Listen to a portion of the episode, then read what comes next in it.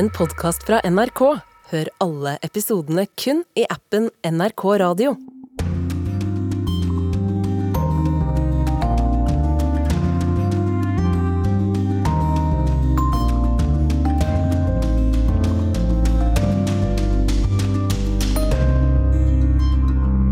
Krigen i Ukraina. Økonomien i verden. For most of the world economy, this is going to be a tough year, tougher than the year we leave behind. Folkelig motstand og politisk kaos. Dette er noen av temaene som vil prege det kommende året. Og sammen med Norges utenriksminister og NRKs mange korrespondenter skal vi se inn i krystallkulen og ta for oss hva det nye året har å by på av utfordringer for verden. I studio Anja Strøn. Men først går vi direkte til Lviv i Ukraina, og der er du på plass, kollega Morten Jentoft sammen med fotograf Lokman Gorbani. I dag er det ortodoks jul. Hvordan preger krigen julefeiringen? Ja, den eh, går jo rett inn i eh, julefeiringen. Eh, vi var i dag tidlig i den hellige Pokrovskij-katedralen her litt i utkanten av sentrum av Kiev. Der var det mye folk. Det var tre forskjellige gudstjenester utover formiddagen. Det gikk jo nesten i ett. Og det var mange alvorlige mennesker å se. Jeg snakket med noen av dem. hun, en kvinne fortalte meg at hun har en nær slektning som er ved fronten nær byen Bar Bahmut i, i, i, Donbass. Han ville gjerne kommet hjem nå til jul og nyttår, men det var ikke mulig pga. Eh, kamphandlingene der borte. Og, uh, I dag kommer det jo også meldinger om at for første gang så har den ukrainske, den selvstendige ukrainsk-ortodokse kirken eh, også eh, holdt sin eh, gudstjeneste inne i det berømte Lavra-klosteret i, i, Kiev. Det har jo tidligere vært kontrollert av den, den grenen av den ortodokse kirken som ligger under Moskva. Eh, sånn at eh, alt som har med jul her borte, det jo, eh, blir jo preget selvfølgelig av den konflikten som er mellom Russland og Ukraina, og det angrepet som Russland har nå hatt gående her mot Ukraina i mer enn ti måneder. Men Russland de har jo erklært våpenhvile pga. jul denne helgen. Men har de holdt løftet sitt det siste døgnet? Ja, Nå vet vi jo ikke hvem som har brutt da denne våpenhvilen som russerne selv eh, sier de har innført. Eh, det ligger jo meldinger ute på eh, sosiale medier som viser at russerne også skyter, selv om det er våpenhvile. Fra ukrainsk side har man jo totalt avvist tanken om en ensidig om en våpenhvile i forbindelse med jul. Våpenhvile det blir det den dagen russerne trekker seg ut av de områdene de har okkupert av Ukraina, sier president Volodymyr Zelenskyj her. Noe mindre aktivitet har det kanskje ikke vært ved fronten eh, i løpet av det siste døgnet, f.eks., så hørte jeg ikke flyalarmen her i Lviv i løpet av natten. Det tror jeg er første gang under mine mange besøk her nede eh, det siste året jeg ikke har hørt flyalarmer. Så kan man jo kanskje tolke det på at krigsaktiviteten er noe mindre da i forbindelse med julehøytiden. Men eh, noe full våpenhvile det er det overhodet ikke snakk om. Takk skal du ha, Morten Jentoft. Vi hører mer fra deg i dagene som kommer på deres reise rundt i Ukraina. Og vi skal holde oss til Ukraina, men gå litt tilbake i tid. Det var eh, helt forferdelig å se, høre med folk sine egne ord eh, hvordan krigen har foregått her. Og se massegraver. Og de som har deltatt i de begravelsene av de menneskene som er eh, drept her. Det er veldig spesielt å være her den 8. mai. For jeg vet at folk over hele Norge nå viser solidaritet med Ukraina. Og dette må etterforskes. Vi kan ikke la de skyldige gå fri. Velkommen utenriksminister Anniken Huitfeldt. Tusen takk. Her hørte vi deg da du besøkte Kiev, Irpin og Butsja for ganske nøyaktig åtte måneder siden. Hva gjorde det med deg å se følgene av krigen i Ukraina på nært hold? Det gir jo en enorm forpliktelse til vi som var der, men også eh, for å formidle det til det norske folk at eh, vi må ikke slutte å vise solidaritet med Ukraina. Og jeg var nok litt mer pessimistisk da jeg var der. Jeg tenkte at eh, vil oppmerksomheten omkring Ukraina holde seg? Tenkte jeg i mai. Men det har det jo gjort, da. takket være den eh, enorme motstandskraften som er i det ukrainske folk, men også pga. den brutale krigføringa som vi ser fra Russland. Så jeg tror det både handler om solidaritet, men også fordi at nordmenn skjønner at dette til sjuende og siste også er i vår egen interesse. For hvis vi lar et land ture fram på den måten, så rammer det oss alle til slutt. Da du var på besøk i Kyiv igjen i slutten av november, så så vi en tydelig engasjert og ganske beveget eh, utenriksminister, og så sa du at det verste kan være foran oss. Hva ser du for deg nå? Det er vanskelig å si, men det er klart at når det ikke er framgang på slagmarken for Putin, så rammer han systematisk sivile mål. Hvis du og jeg hadde sittet her for et år siden og sagt hvis det blir krig i Ukraina, hvordan vil det starte, så hadde vi kanskje sagt det hadde starta med cyberangrep. Men nå er det jo gammeldags bombing av elektrisitetsforsyning og andre ting som skal ramme lokalbefolkninga. Så når han presses opp i et hjørne, så kan det bli verre. Og det kan jo da fortsette, det må vi være forberedt på. Men hva blir da den største utfordringen for Norge med hensyn til krigen inn i dette nye året, mener du? Vi opplever jo krigens konsekvenser i Norge også. Men det har jo ikke gått utover vår vilje til å støtte Ukraina. Eh, selv om vi har også våre problemer å stri med. Så jeg er eh, optimistisk med tanke på vår vilje, da, Europas vilje til å stille opp for Ukraina. Det som var annerledes ved å være i Kiev nå i november og sammenligna med i mai, var at det er mye farligere i Kiev nå. For nå er det jo jevnlig bombenedslag, og eh, kollegaer som har vært der på andre dager enn meg, de har måttet gå i bomberom. Så det er mye farligere for folk der. Men allikevel så lever folk sine daglige liv, da. Da jeg var der i mai, så var det veldig sånn stille i gatene. Det var nesten ikke folk ute, men nå er det jo det vanlige livet foregår. Og det er imponerende å se hvordan de står opp. Og to av de som også ser eh, krigens realiteter på nært hold, er vår europakorrespondent Simen Ekern med oss her i studio. Velkommen. Tusen takk. Og Moskva-korrespondent Gro Holm med oss på linje. Velkommen til deg også, Gro. Takk skal du ha. La oss gå til eh, Russland først Военнослужащие России, ополченцы, добровольцы сражаются сейчас за родную землю, за правду и справедливость. Russland kjemper for likhet og sannhet, sa Putin i nyttårstalen. Og hvis vi ser inn i denne krystallkulen da, Groholm, hvordan vil krigen utvikle seg sett fra russerne, tror du?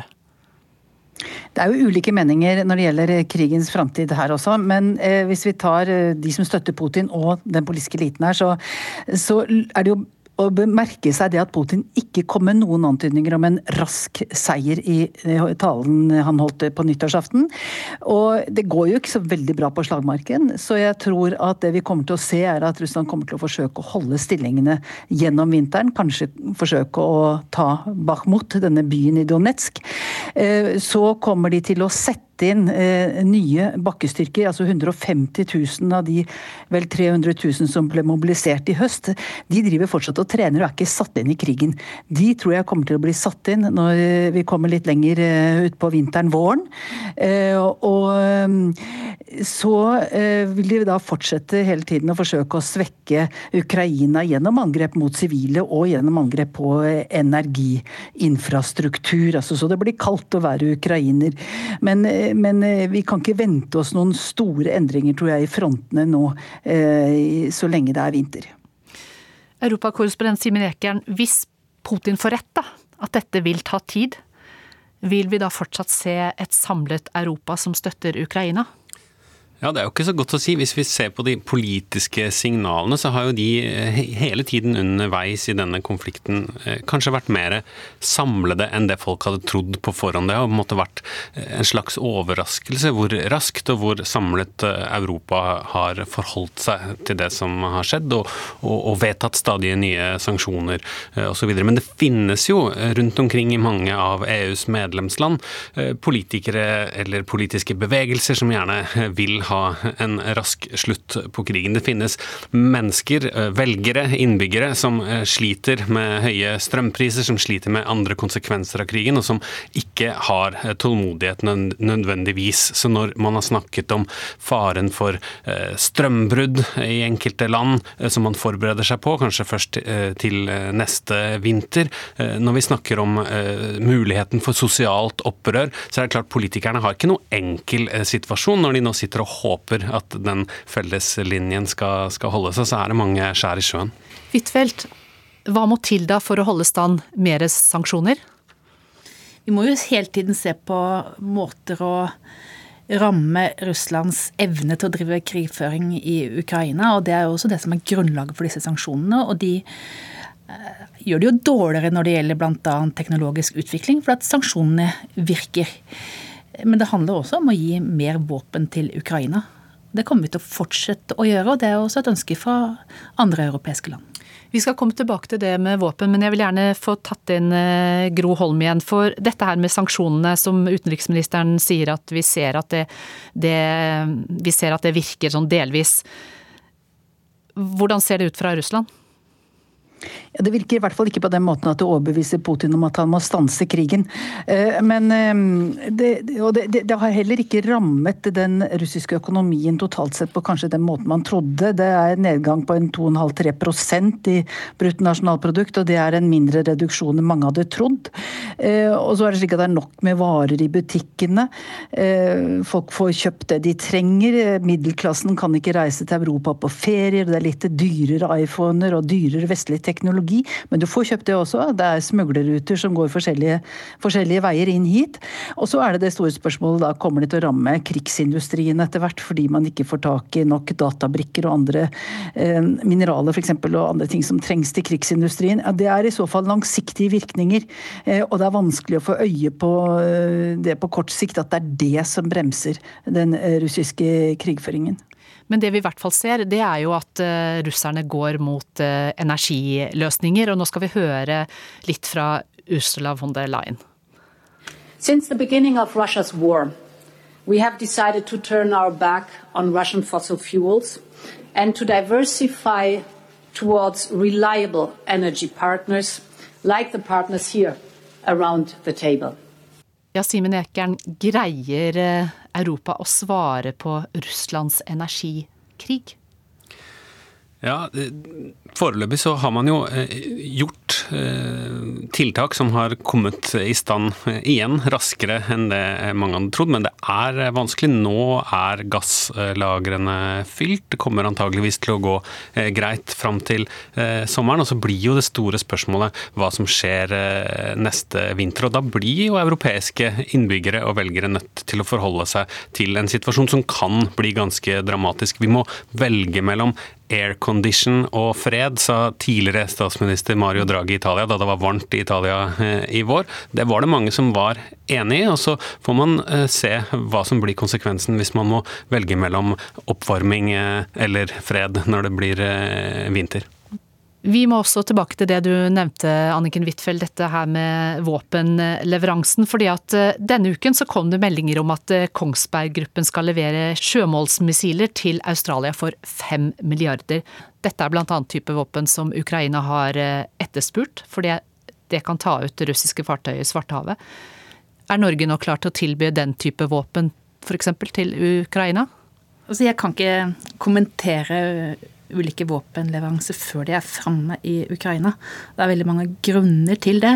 Og det er fordi det skal komme trygt fram, og det har vært vår linje siden starten av krigen. Men vi har jo sagt at denne uka har det kommet eh, 10 000 artillerigranater til Ukraina. Det ble jo da levert i romjula.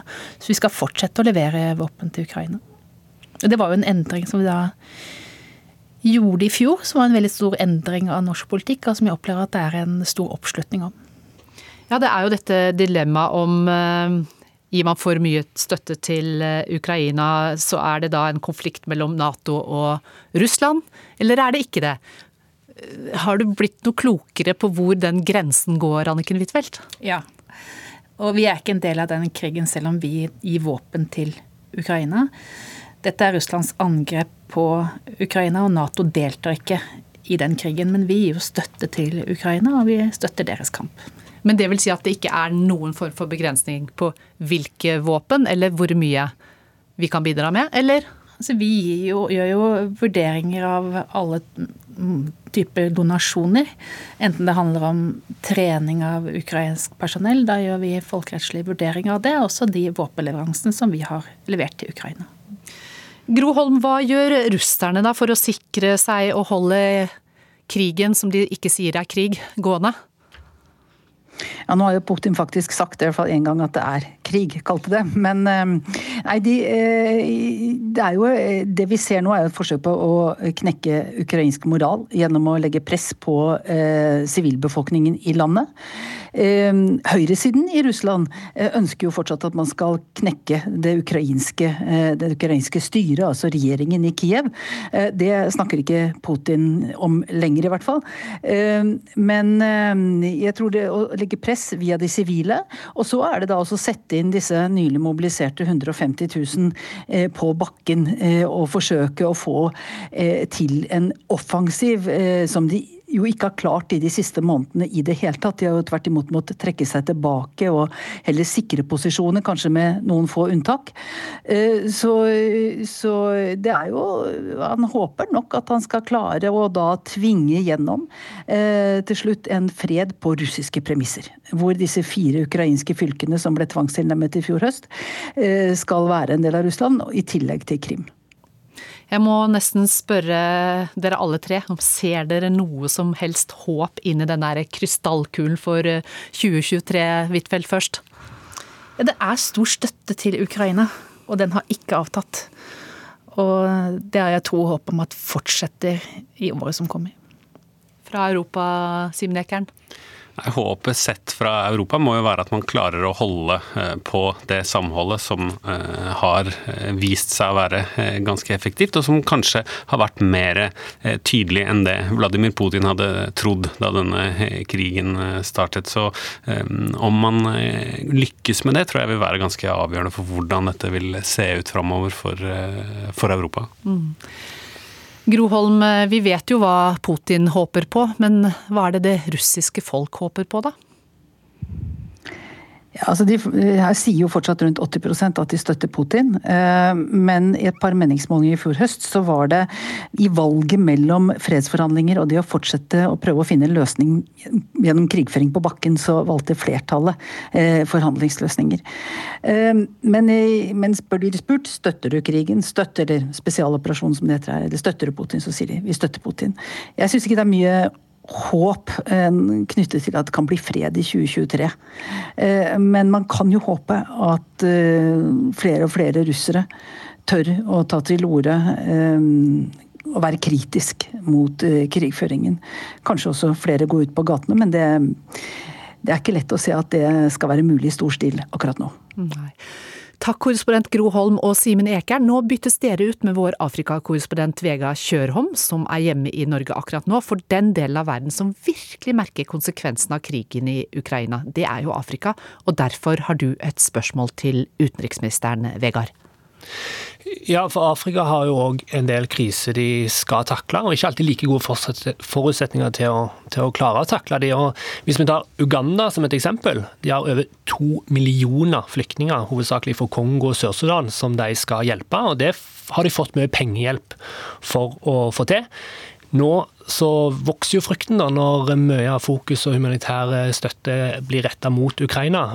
Så vokser frykten for at Uganda ikke skal få den støtta som de trenger. Da lurer jeg på om utenriksministeren er urolig for at Ukraina-krigen skal ta og skape problem andre plasser der det òg er krise og, og trengs humanitær hjelp krigen i Ukraina skaper jo store problemer andre steder, fordi at energiprisene øker og matvareprisene øker. Og dermed så blir det mindre til de internasjonale hjelpeorganisasjonene å kjøpe mat for og kjøpe medisiner for. Men vi ser jo også at en del land reduserer pengebruken til andre flyktningkatastrofer. Norge gjør ikke det. Ehm, men eh, vi må jo jobbe veldig hardt for at andre land også opprettholder sine forpliktelser til folk som lever i nød, og folk som lever i flyktningleirer i andre deler av verden. En foreløpig takk til deg, utenriksminister Anniken Huitfeldt. Du kom tilbake for å svare på flere spørsmål senere i sendingen, men først mer Afrika.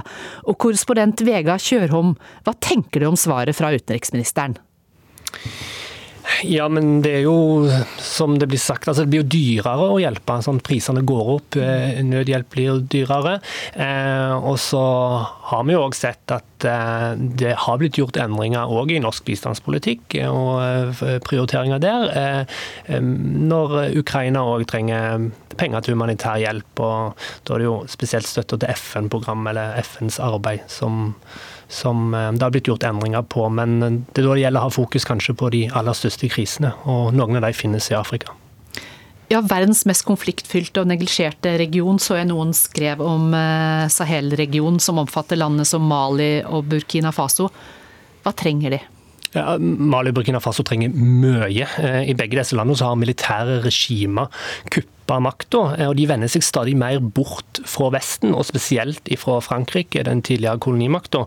Organisasjoner har blitt kasta ut, eh, og um, regimet tar en del valg som ikke umiddelbart tjener folket, iallfall ikke som jeg kan se. Eh, og vi ser òg at konfliktene i dette området får en stadig større etnisk dimensjon, etniske konflikter, eh, noe som er veldig alvorlig og en alvorlig utvikling. Så det trengs mer politisk stabilitet, terrorgruppene må fortsatt stanses. Eh, og så må en finne måter å løse konflikter på som ikke nærer disse etniske eh, motsetningene som finnes. Og så trengs det kortsiktig nødhjelp og langsiktig utvikling. Og alt dette høres eh, veldig mye ut. Mm. og det, altså, og det er det. Det er en enorm jobb som skal til for å snu denne situasjonen som var ille for ti år siden, da konflikten starta, og som er mye verre nå. Men ser alt beksvart ut for Afrika som helhet i 2023? Ja, På ingen måte. Det, nå snakket vi kanskje om en av de vanskeligste konfliktene, men det er jo uh, stor økonomisk framgang i enkelte land. Og så har vi en handelsavtale som kom på plass for noen år siden, som det jobbes med å implementere og få til å fungere. og Den kan skape mer handel på tvers av afrikanske land. Det kan bli enklere for folk å forflytte seg på tvers av grenser. I tillegg så ser vi en storstilt, storstilt satsing på fornybar energi. Um, flere norske selskaper inne i uh, vannkraft, solkraft bl.a. Eh, og så ser vi et bedre samarbeid på tvers av afrikanske land, der det er mer afrikanske løsninger på afrikanske problem, bl.a.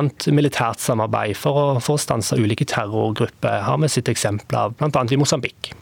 Det er godt vi kan melde om noe positivt i verden når vi ser inn i 2023, men vi kommer ikke utenom noen dystre tall som gjelder hele verden. Men antall flyktninger i verden passerte i 2022 100 millioner. Hvordan ser det for deg utviklingen her for Afrika sin del? Ja, For Afrikas del så ser det ikke ut som at det tallet kommer til å gå ned med det første. Det er jo konflikt som ofte er hovedgrunnen til at folk legger ut på flukt. Og Vi ser økende uro i Kongo akkurat nå. Eh, krisen i Somalia, Sør-Sudan, eh, Mosambik, og så har vi nevnt Sahel. Altså Det er krise som fortsetter inn i 2023.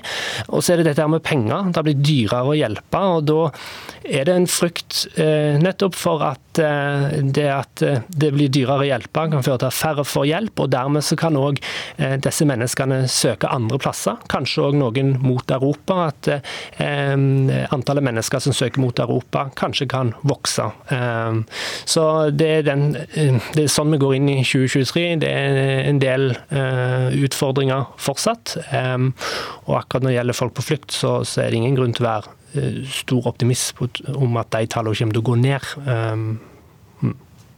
Takk skal du ha, Afrikakorrespondent Vega Kjørom.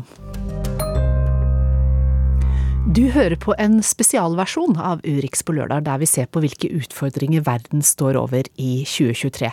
Og nå forflytter vi oss til Tyrkia, for der skal det være et viktig valg dette året. Rasul Hussein Sade er klimaaktivist og førstegangsvelger. Han er med på kafé for å fortelle om sine håp og tanker før det kommende presidentvalget. Have you decided yet? No, I can't say that. Do you think it will be fair elections? I don't know because in Turkey government have lots of problems. We are nervous for elections. If same government vi er nervøse for at den samme regjeringen blir valgt igjen, sier 18-åringen. Han er en av seks millioner tyrkere som aldri har stemt før, og som heller ikke har opplevd andre ledere enn Recep Tayyip Erdogan. Actually, this like is a kingdom. That's uh, really hurtful for democracy, all political way. In my opinion, time change peoples and. Det er som et kongedømme, ler Rasul. Han mener det er ødeleggende for demokratiet, og at folk endrer seg over tid. Det gjør også det å ha makt over tid, mener han. Many of my friends left the country. Kameraten Alp Kobanolo har sett mange venner flytte fra landet.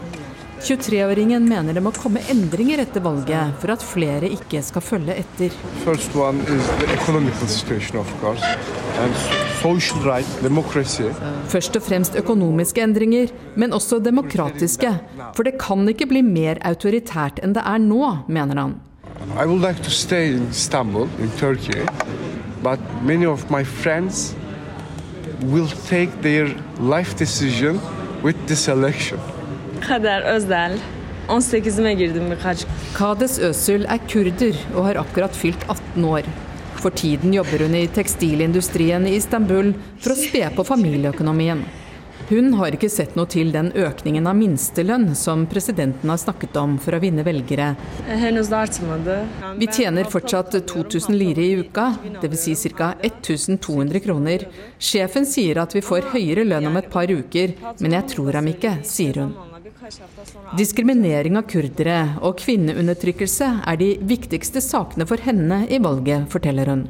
Men hun har et håp om at alle de unge, som henne, kan endre Tyrkia til det bedre.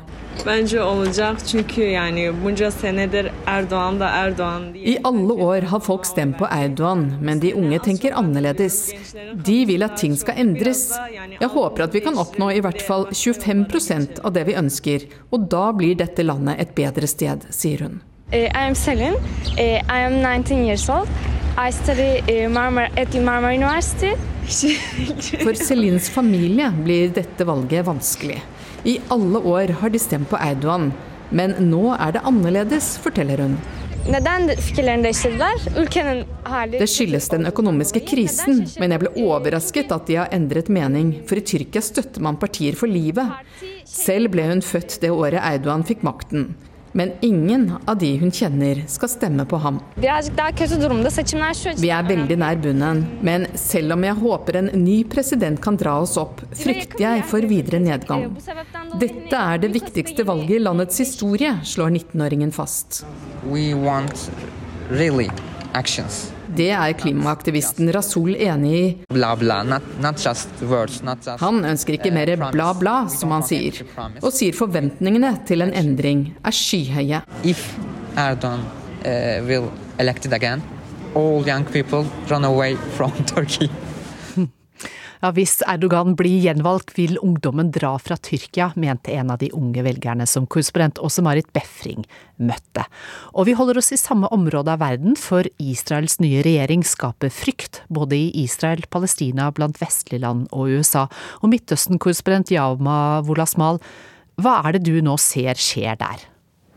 Altså Benjamin Netanyahus nye regjering som kom til makten i forrige uke beskrives som kanskje den mest ekstreme i Israels historie. og Det skyldes at han har inngått et regjeringssamarbeid med ytterliggående ultranasjonalistiske partier i Knesset. Blant dem er lederen for partiet Jødisk makt, Itamar Ben-Gvir. Han er dømt for å ha støttet en terrororganisasjon, for å ha oppfordret til rasisme, og nå har han fått den mektige posisjonen som sikkerhetsminister med ansvar for politiet. Han er også en kjent provokatør i israelsk politikk, og noe av det første han gjorde som sikkerhetsminister, var å besøke den hellige Al-Aqsa-moskeen i Jerusalem, eller Tempelhøyden som jøder kaller det. Og Det er den type stunt av israelske politikere tidligere utløst blodige konflikter mellom israelere og palestinere, og derfor frykter mange at den nye regjeringen til Netanyahu skal provosere frem en ny krig mellom partene. Ja, Kan dette utløse en ny intifada? Akkurat intifada er jeg litt usikker på, fordi palestinerne nå er veldig splittet. Det er ingen sentral ledelse som kan dra i gang et nytt folkelig opprør. Eh, den palestinske ledelsen, som er delt mellom selvstyremyndighetene på den okkuperte Vestbredden og Hamas på Gaza, eh, har inntatt en slags vent-og-se-holdning til Netanyahus nye regjering. Men væpnede grupper i Gaza sitter alltid klare med fingeren på avtrekkeren, klare til å svare på det de ser på som israelsk aggresjon mot folket deres. Så ja, det er veldig stor sannsynlighet for en ny konflikt nå. Men vil ikke erfarne Netanyahu klare å holde de ekstreme ministrene sine i sjakk? Det er jo det veldig mange håper på, men jeg har snakket med en israelsk ekspert i dag som sier at Netanyahu ikke er interessert i å holde de ekstreme ministrene sine tilbake. Ifølge Dalia Scheindlin eh, så har Netanyahu bidratt til at eh, ultranasjonalistiske partier og ekstremister har styrket sin posisjon i israelsk politikk de siste årene. Og det er Netanyahu som nylig oppfordret partiene til noen av de ekstremistene jeg har vært inne på, til å slå seg sammen, slik at de kan styre landet sammen. Og Derfor mener eksperten vi har snakket med, at det er naivt å tro at Netanyahu Netanyahu vil prøve å kontrollere de ekstreme elementene i eh, sin regjering. Men Midtøsten-korrespondent Yama Olasmal, hvor er Israel da på vei? Frykten er at Israel, som lenge har vært et eh, liberalt, sekulært eh, demokrati, kan være på vei til å bli et autoritært demokrati styrt av ekstrem religiøs, ekstreme religiøse elementer. Årsaken til det er at krefter i Netanyahus nye regjering vil f.eks. begrense makten til domstolene, da spesielt Høyesterett.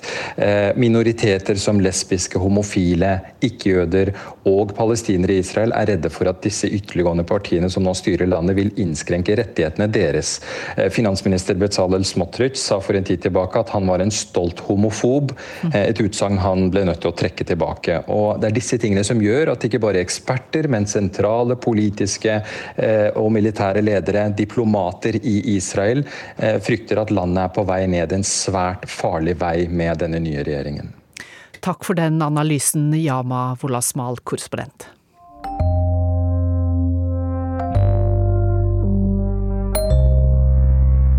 Vi forflytter oss til USA, for der har politisk kaos og dramatikk preget valget av ny leder i Kongressen helt fram til morgentimene i dag, norsk tid. Republikaneren Kevin McCarthy spøkte med en dårlig start da han overtok klubba i Kongressen sent fredag kveld. You know, my father always told me, it's not how you start, it's how you finish. Det måtte 15 avstemningsrunder over fire dager til for at Kongressen i USA skulle klare å velge en leder. Etter den 14. runden ble det håndgemeng inne i salen. Opprørerne i partiet med Matt Getz i spissen vil vi trolig få høre mye til de neste månedene. De ønsker å ta et oppgjør med hele det amerikanske statsapparatet og gjøre det vanskelig selv for sitt eget parti å styre landet. Det blir vanskelig å få vedtatt ting, det kan også få konsekvenser for den viktige amerikanske finansieringen av krigen i Ukraina. I gangen utenfor kongressalen møter jeg republikaneren Byron Donalds fra Florida, som ble nominert som opprørskandidat i noen av avstemningene. Jeg spør ham om Ukraina. Many, many Republicans believe that if we're going to continue to be supportive in Ukraine, what we must do is have accountability for those dollars because it's one thing to be supportive of Ukraine, and I am, but it's another thing. Han sier det kommer til å være mye debatt i det republikanske partiet om penger til krigen, og at sånne penger må gjøres ordentlig rede for framover. To år etter stormingen av Kongressen ser mange amerikanere usikkert på framtida til demokratiet sitt. Hmm? We're a uh, spouse of a member. Oh, okay. We're giving a family member a tour. Oh, great. Okay. So you came to sort of watch the swearing in or something? Well, we came to watch the swearing watch in, the swearing and now we're now we're giving other family members wow. tours of the Capitol building. I gangen i Kongressen venter kona og sønnen til en kvinne som endelig skal tas i ed som demokratisk kongressrepresentant fra Vermont. Sammen med dem er Cara Eckington. Hun er også bekymret for framtida nå. What are your thoughts for not just democracy, but for the US in this next coming year? Um, I think the US is strong, and uh, you know, I think the US is um, still a powerful country, and I like the way Biden's working. Um, so in that way, I, I have hope. Men Cara er ikke bekymret for at demokratiet i USA ikke skal klare seg på sikt. Så, så lenge jeg har den, så kan jeg bare komme inn og være her på alle Plutselig er det en som snakker norsk rett ved siden av meg. Jeg heter Alex Grøder. Jeg, jeg jobber for tidlig tidligere representant fra New York. Nå står vi her i Hva heter det egentlig her? Det her er uh, gamle representantenes hus. Det heter Statuary Hall. Har du vært her nå disse dagene? Ja, jeg har vært her fullt fulgt med. Det er veldig spennende og veldig kjedelig på samme tid. Men når det er så vanskelig å bli enig med å velge en speaker, hvordan skal det da gå når de skal begynne med politikk her inne? Ja, det vet jeg ikke. Det er et veldig godt spørsmål. Det, jeg har ikke svar for det. Men Fortell litt om deg selv. Er du, du er på jakt etter en ny jobb, sa du? Ja, så nå er jeg den representanten jeg jobber for, jeg gikk av. Så nå er det nye kongressen og nye muligheter for ny jobb. Så, noen, eh, så du har lyst til å jobbe for en av de andre republikanerne her? Ja, men eh, jo lengre dette her tar, så jo mindre lyst jeg har å holde meg her. De ønsker å lage kaos, ja. rett og slett? Ja. Tusen takk. Ja, Det var norsk-amerikanske Alex Krøder som mistet lysten til å jobbe med amerikansk politikk, fortalte han til USA-korrespondent Tove Bjørgaas. Vi fortsetter å se inn i krystallkulen for hva verden har å by på av utfordringer i 2023. For mens USA har politisk kaos, er det kanskje litt mer politisk optimisme i Brasil, for de fikk ny regjering ved årsskiftet. Og vår medarbeider i Rio, Arnt Stefansen, er det liksom håp og litt sambarytmer i sikte for det nye året? Ja, året startet i hvert fall med sambarytmer og stor optimisme. Jeg sto selv på Copacabana-stranda sammen med et par millioner eh, brasilianere og, og, feiret starten på det nye året. Eh, og eh, samme dag, noen timer senere, så ble jo eh, den nye regjeringen tatt i ed. Og, og eh, der var det vel rundt 300 000 mennesker møtt frem for å, eh, for å hylle den nye, nye gamle gamle presidenten, Lula da Silva. Dette er hans tredje periode som president. Hva er det han kan få til nå som han ikke har fått til tidligere?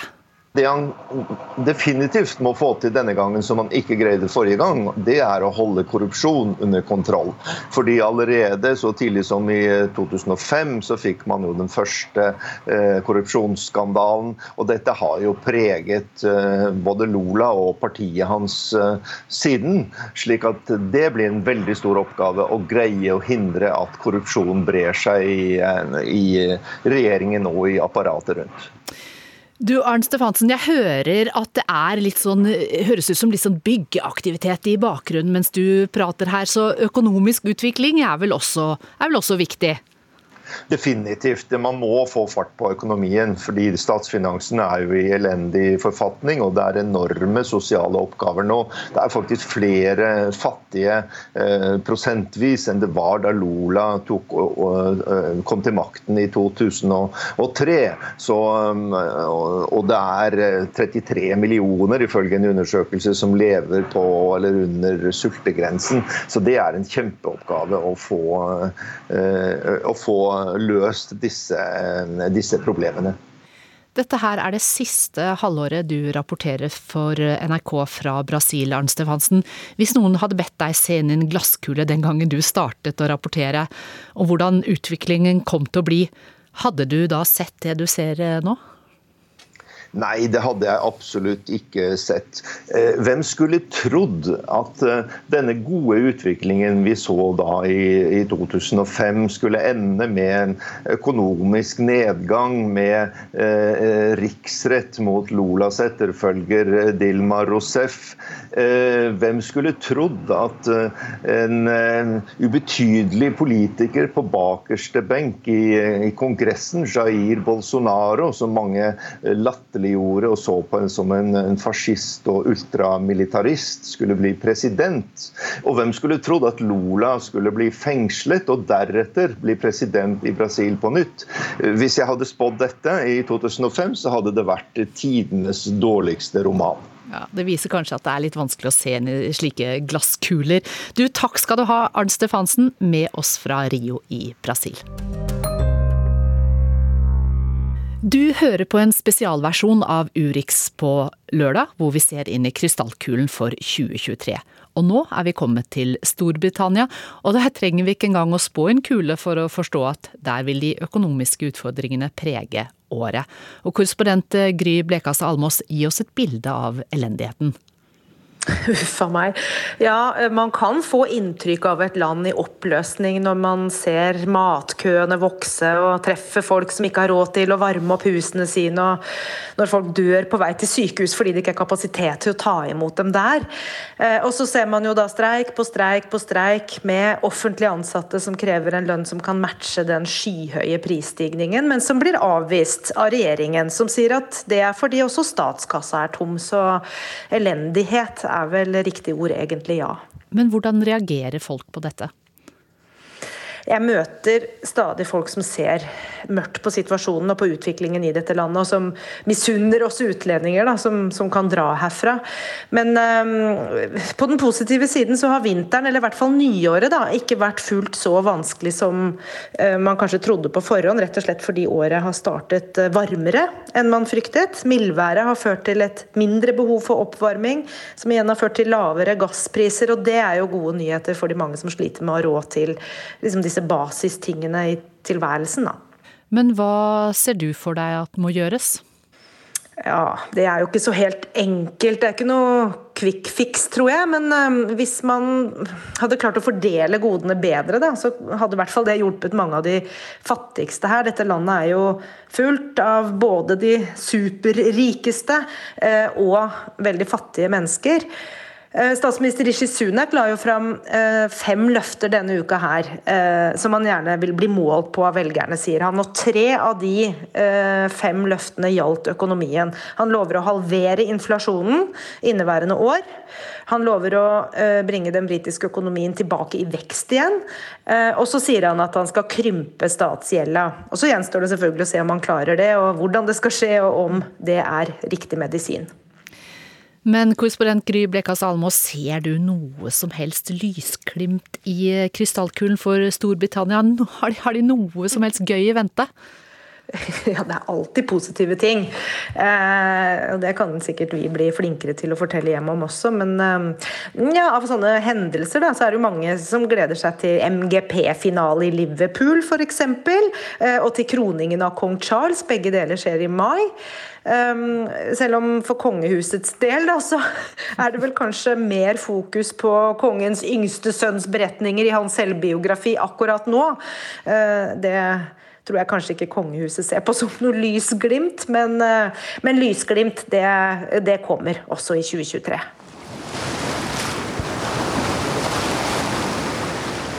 Det vi hører her, det er bølgene fra Sør-Kina-havet som slår inn mot land. For du er på plass på øya Hainan, Asia-korrespondent Philip Lote. Og Hainan og havet omkring det er jo på sett og vis frontlinjen for minst to av Kinas største utfordringer i 2023. Men aller først, hva vil du si er de viktigste sakene i Kina i året som kommer? Det er fire saker. Komme seg ut av den ekstremt kraftige smittebølgen og gjøre seg ferdig med pandemien. Få gjenreist tilliten til en svekket og skadet økonomi. Og gjennomføre skifte av lederskap som startet med partikongressen i oktober. Og til slutt balansere og også styrke Kina i det kompliserte forholdet til Vesten. La oss ta covid først, da. Spitten er jo eksplosiv. Hva står egentlig på spill? Ja, Dette er det mest sensitive i forhold til egen befolkning. Hvis folk eh, føler at deres helse er truet, så, og at smitten kommer helt ut av kontroll, og folk fortsetter å bli alvorlig syke, og de ikke får nok medisiner, pleie og hjelp, så er dette politisk følsomt. Men det er også vanskelig i forhold til resten av verden hvor Kina får kritikk for ikke dele nok informasjon, underrapportere eh, tilfeller. Eh, og EU og også Verdens helseorganisasjon ønsker opplysninger så de kan spore nye mutasjoner, nye varianter av omikronviruset. Når det gjelder økonomien, så ser vi jo at eh, rundt i hele verden så sliter man. Hvordan ser det ut i Kina? Den strenge smittevernpolitikken som da eh, Kina brått eh, gikk bort ifra i desember, den har holdt økonomien nede. Det gjør at eh, verdensøkonomien ikke har fått de varene og de sluttproduktene de trenger. Tesla f.eks., som åpnet en fabrikk i Shanghai nylig, de har ikke fått levert det de skal, verken til markedet i Kina eller verden, og tjener da mindre penger. Men også i Kina så ser man at man må få til et skifte, og man er redde for at f.eks. man skal begynne å pumpe penger inn i bygningsbransjen igjen, som sliter bare for å få fart på økonomien, mens man i virkeligheten trenger å få til vekst i andre industriområder i Kina. Men når du ser inn i denne krystallkulen, hva har den å si om lederskiftet? For Xi har jo styrket sin posisjon. I mars skal han sluttføre eh, dette grepet om makten han har tatt. Han skiftet på partikongressen til kommunistpartiet ut hele ledergruppen med kun folk som er lojale overfor han. Eh, I mars så skal man se hele embetsverket, hele regjeringsapparatet på plass. Men så er jo spørsmålet om protestene som kom etter misnøyen med eh, de strenge restriksjonene, og den uroen som ligger og ulmer under den enorme smitten, om det gjør at andre personer har kommet styrket ut, og at det vil påvirke eh, det endelige lederskapet i Kina. Og så kanskje det viktigste, korrespondent Philip Lote, Kinas rolle i verden. Hva kan vi vente oss av Kina på den eh, diplomatiske scenen? Ja, En av frontlinjene her er jo Hainan, der jeg er. Det er en øy som grenser til Sør-Kina-havet. Og vi har jo sett at hvordan Australia, USA har forsøkt å demme opp for Kinas Eh, økende ambisjoner og innflytelse i dette området.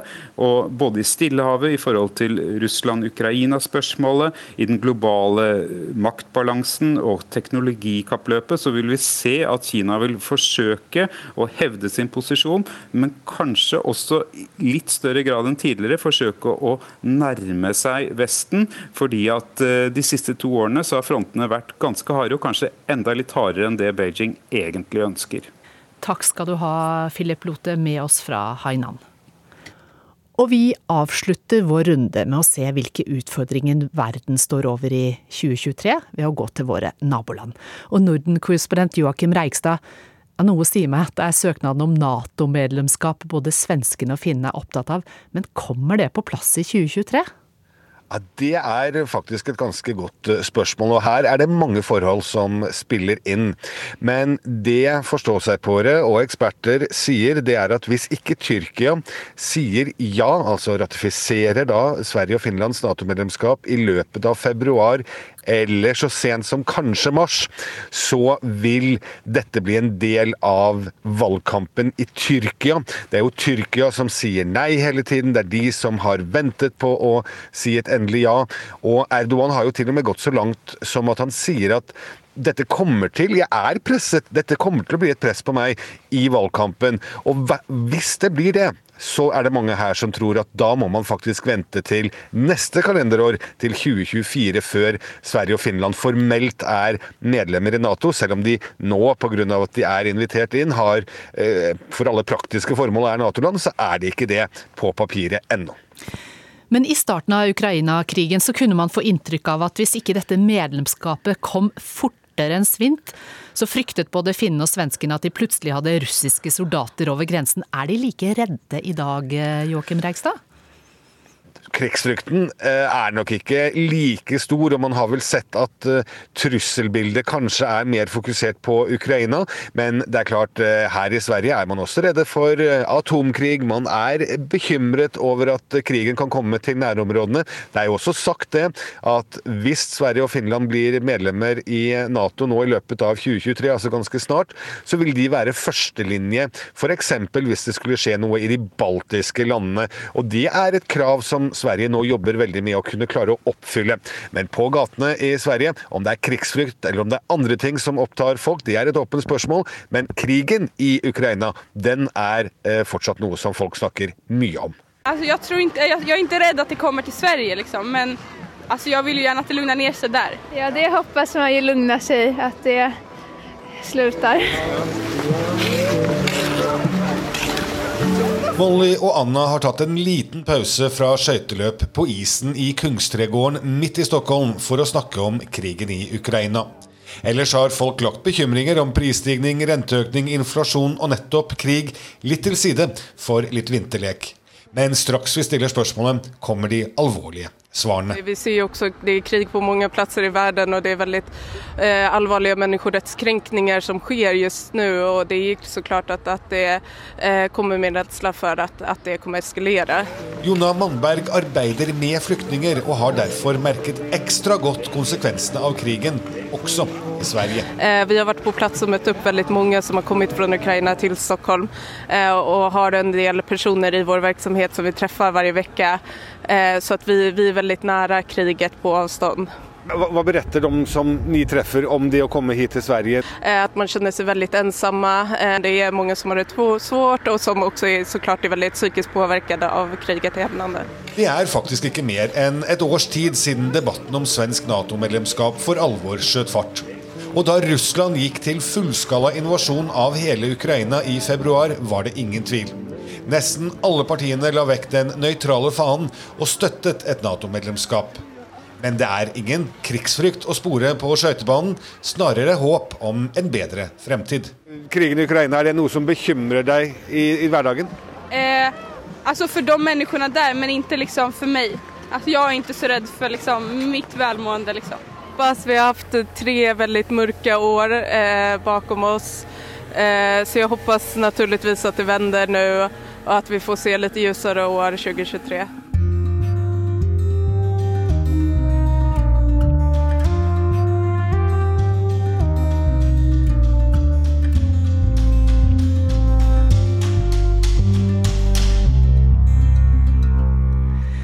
Ja, det er dessverre ikke alle temaer ute i verden vi får dekket opp ved å se inn i den utenrikspolitiske krystallkulen for 2023, men derfor så har flere av våre korrespondenter sendt inn spørsmål som er aktuelt for det området de dekker, og Norge. Og heldigvis så har vi med oss utenriksminister Anniken Huitfeldt til å svare. Er du klar, Huitfeldt? Hei, det er eh, også Marit Befring i Istanbul. Stortingspresident Masud Gharahkhanis engasjement og støtte til demonstrantene i Iran har fått eh, regimet til å kalle Norges ambassadør inn på teppet to ganger. Støtter du stortingspresidenten fullt og helt? Og vil du sende støtteerklæringer til demonstrantene selv? Jeg har sendt støtteerklæringer til demonstrantene. Deres kamp for menneskerettigheter og kvinners eh, rettigheter, det står det respekt av. Og vi forventer at eh, Iran etterlever sine folkerettslige forpliktelser. Og vi har også fordømt den grove voldsbruken, og også sagt at Irans ambassadør i Oslo må komme til Utenriksdepartementet, og han har også fått høre det direkte fra oss. Hei, dette er Midtøsten-korrespondent Yama Wolasmal fra Beirut. Jeg lurer på følgende. Eh, offisielt eh, så fordømmer Norge den israelske okkupasjonen av Palestina. Men da flertallet i FNs generalforsamling nylig ba Den internasjonale domstolen i Haag vurdere konsekvensene av den israelske okkupasjonen for palestinerne, så valgte Norge å avstå fra å stemme. Hvorfor det? Spørsmålet mellom palestinerne og israelere er, eh, handler om mangel på politiske samtaler. Eh, jeg forstår veldig godt at eh, palestinerne i frustrasjon ønsker at domstolene skal se på saken. Dette var et forslag som de la fram veldig seint, i det som heter FNs fjerde komité. Og vi mener at når en sak henvises til domstolen, så må det være veldig mange land som stiller seg bak det. Det å ha et sånt vedtak med knapt flertall, det mener vi ikke er en fordel. Men jeg forstår palestinerne veldig godt. Nå får vi se hva som er uttalelsen fra domstolen. Og det er jo ingen framgang når det gjelder forhandlinger. Så derfor har jeg stor forståelse for palestinernes krav her. Da må jeg bare følge opp her, Huitfeldt. For vil det si at hvis flere stiller seg bak, så vil Norge også gjøre det? Det er klart at når vi blir enige om da å henvise en sak til en domstol, da ønsker vi en del forhandlinger om dette på forhånd slik at vi kan få en god prosess. Og Det har vi også sagt til palestinerne at dette forslaget kom rett og slett for seint. Fordi vi ønsker at eh, når en sak går til domstolen, så vil vi ha en større oppslutning om det. Når vi ser at det er flere brudd på folkeretten i verden, så er vi avhengig av oppslutning om de internasjonale organene som skal ta seg av den type spørsmål. Da går vi til Storbritannia. Hei, det er Gry Blekastad Almås i London her. I Storbritannia så er det mange som peker på brexit som årsaken til at det går så dårlig, spesielt økonomien. Men det er vanskelig å verifisere hva som kommer som følge av brexit, og hva som kommer pga. pandemi og krig osv. Så, videre. så det jeg lurer på er to år etter brexit, hvordan du mener adskillelsen fra EU har svekket Storbritannia? Det er veldig vanskelig å si, og det må jeg nesten overlate til økonomene. Men det er klart at Storbritannia også har hatt store utfordringer før brexit. Og regjeringa peker jo på det på egen hånd, at det er store sosiale forskjeller i Storbritannia. Så det er veldig vanskelig å si hvor mye som skyldes brexit, og hvor mye som skyldes andre forhold. Så skal vi langt, langt av gårde. Utenriksminister Brasil fikk ny regjering nå ved årsskiftet. Hva betyr dette for Norge? Som i alle andre spørsmål så gjenstår jo det å se. For de er jo optimistiske, de signalene som har kommet eh, fra den nye presidenten. Både når det gjelder skogsamarbeid, ta vare på skogen, når det gjelder næringsfremme, og også når det gjelder grønn omstilling. Så vi er eh, optimistiske, eh, men det gjenstår å se hva som blir levert i praksis. Takk for svar, utenriksminister Anniken Huitfeldt, og for at du ville være med og se inn i krystallkulen for 2023. Og da må jeg jo spørre deg helt til slutt, da. Hva er det du ønsker å se inn i den kula, hvis du kan se inn i det nye året? Ja, jeg forholder meg først og fremst til det som er realiteten. Men det er jo oppslutning om internasjonalt samarbeid som jeg mener Norge skal stå opp for, og som vi skal gjøre i samarbeid med andre land. For vi ser jo en økende polarisering i verden, mer eh, splittende retorikk. Så det å støtte opp omkring internasjonale organisasjoner, det håper jeg flere land vil se seg tjent med i året som kommer. Du har hørt på en spesialutgave av Urix på lørdag, hvor vi ved hjelp av utenriksminister Anniken Huitfeldt og NRKs mange korrespondenter rundt i verden har sett inn i 2023 og snakket om hvilke utfordringer verden står over i det nye året. Og fikk du ikke med deg alt, husk da at du kan høre oss når som helst som podkast. Teknisk ansvarlig for denne sendingen var Ragnhild Bjørlykke. Produsenter var Jon Branes og Anne Skårseth. Og her i studio ønsker Anja Strønen god lørdag videre.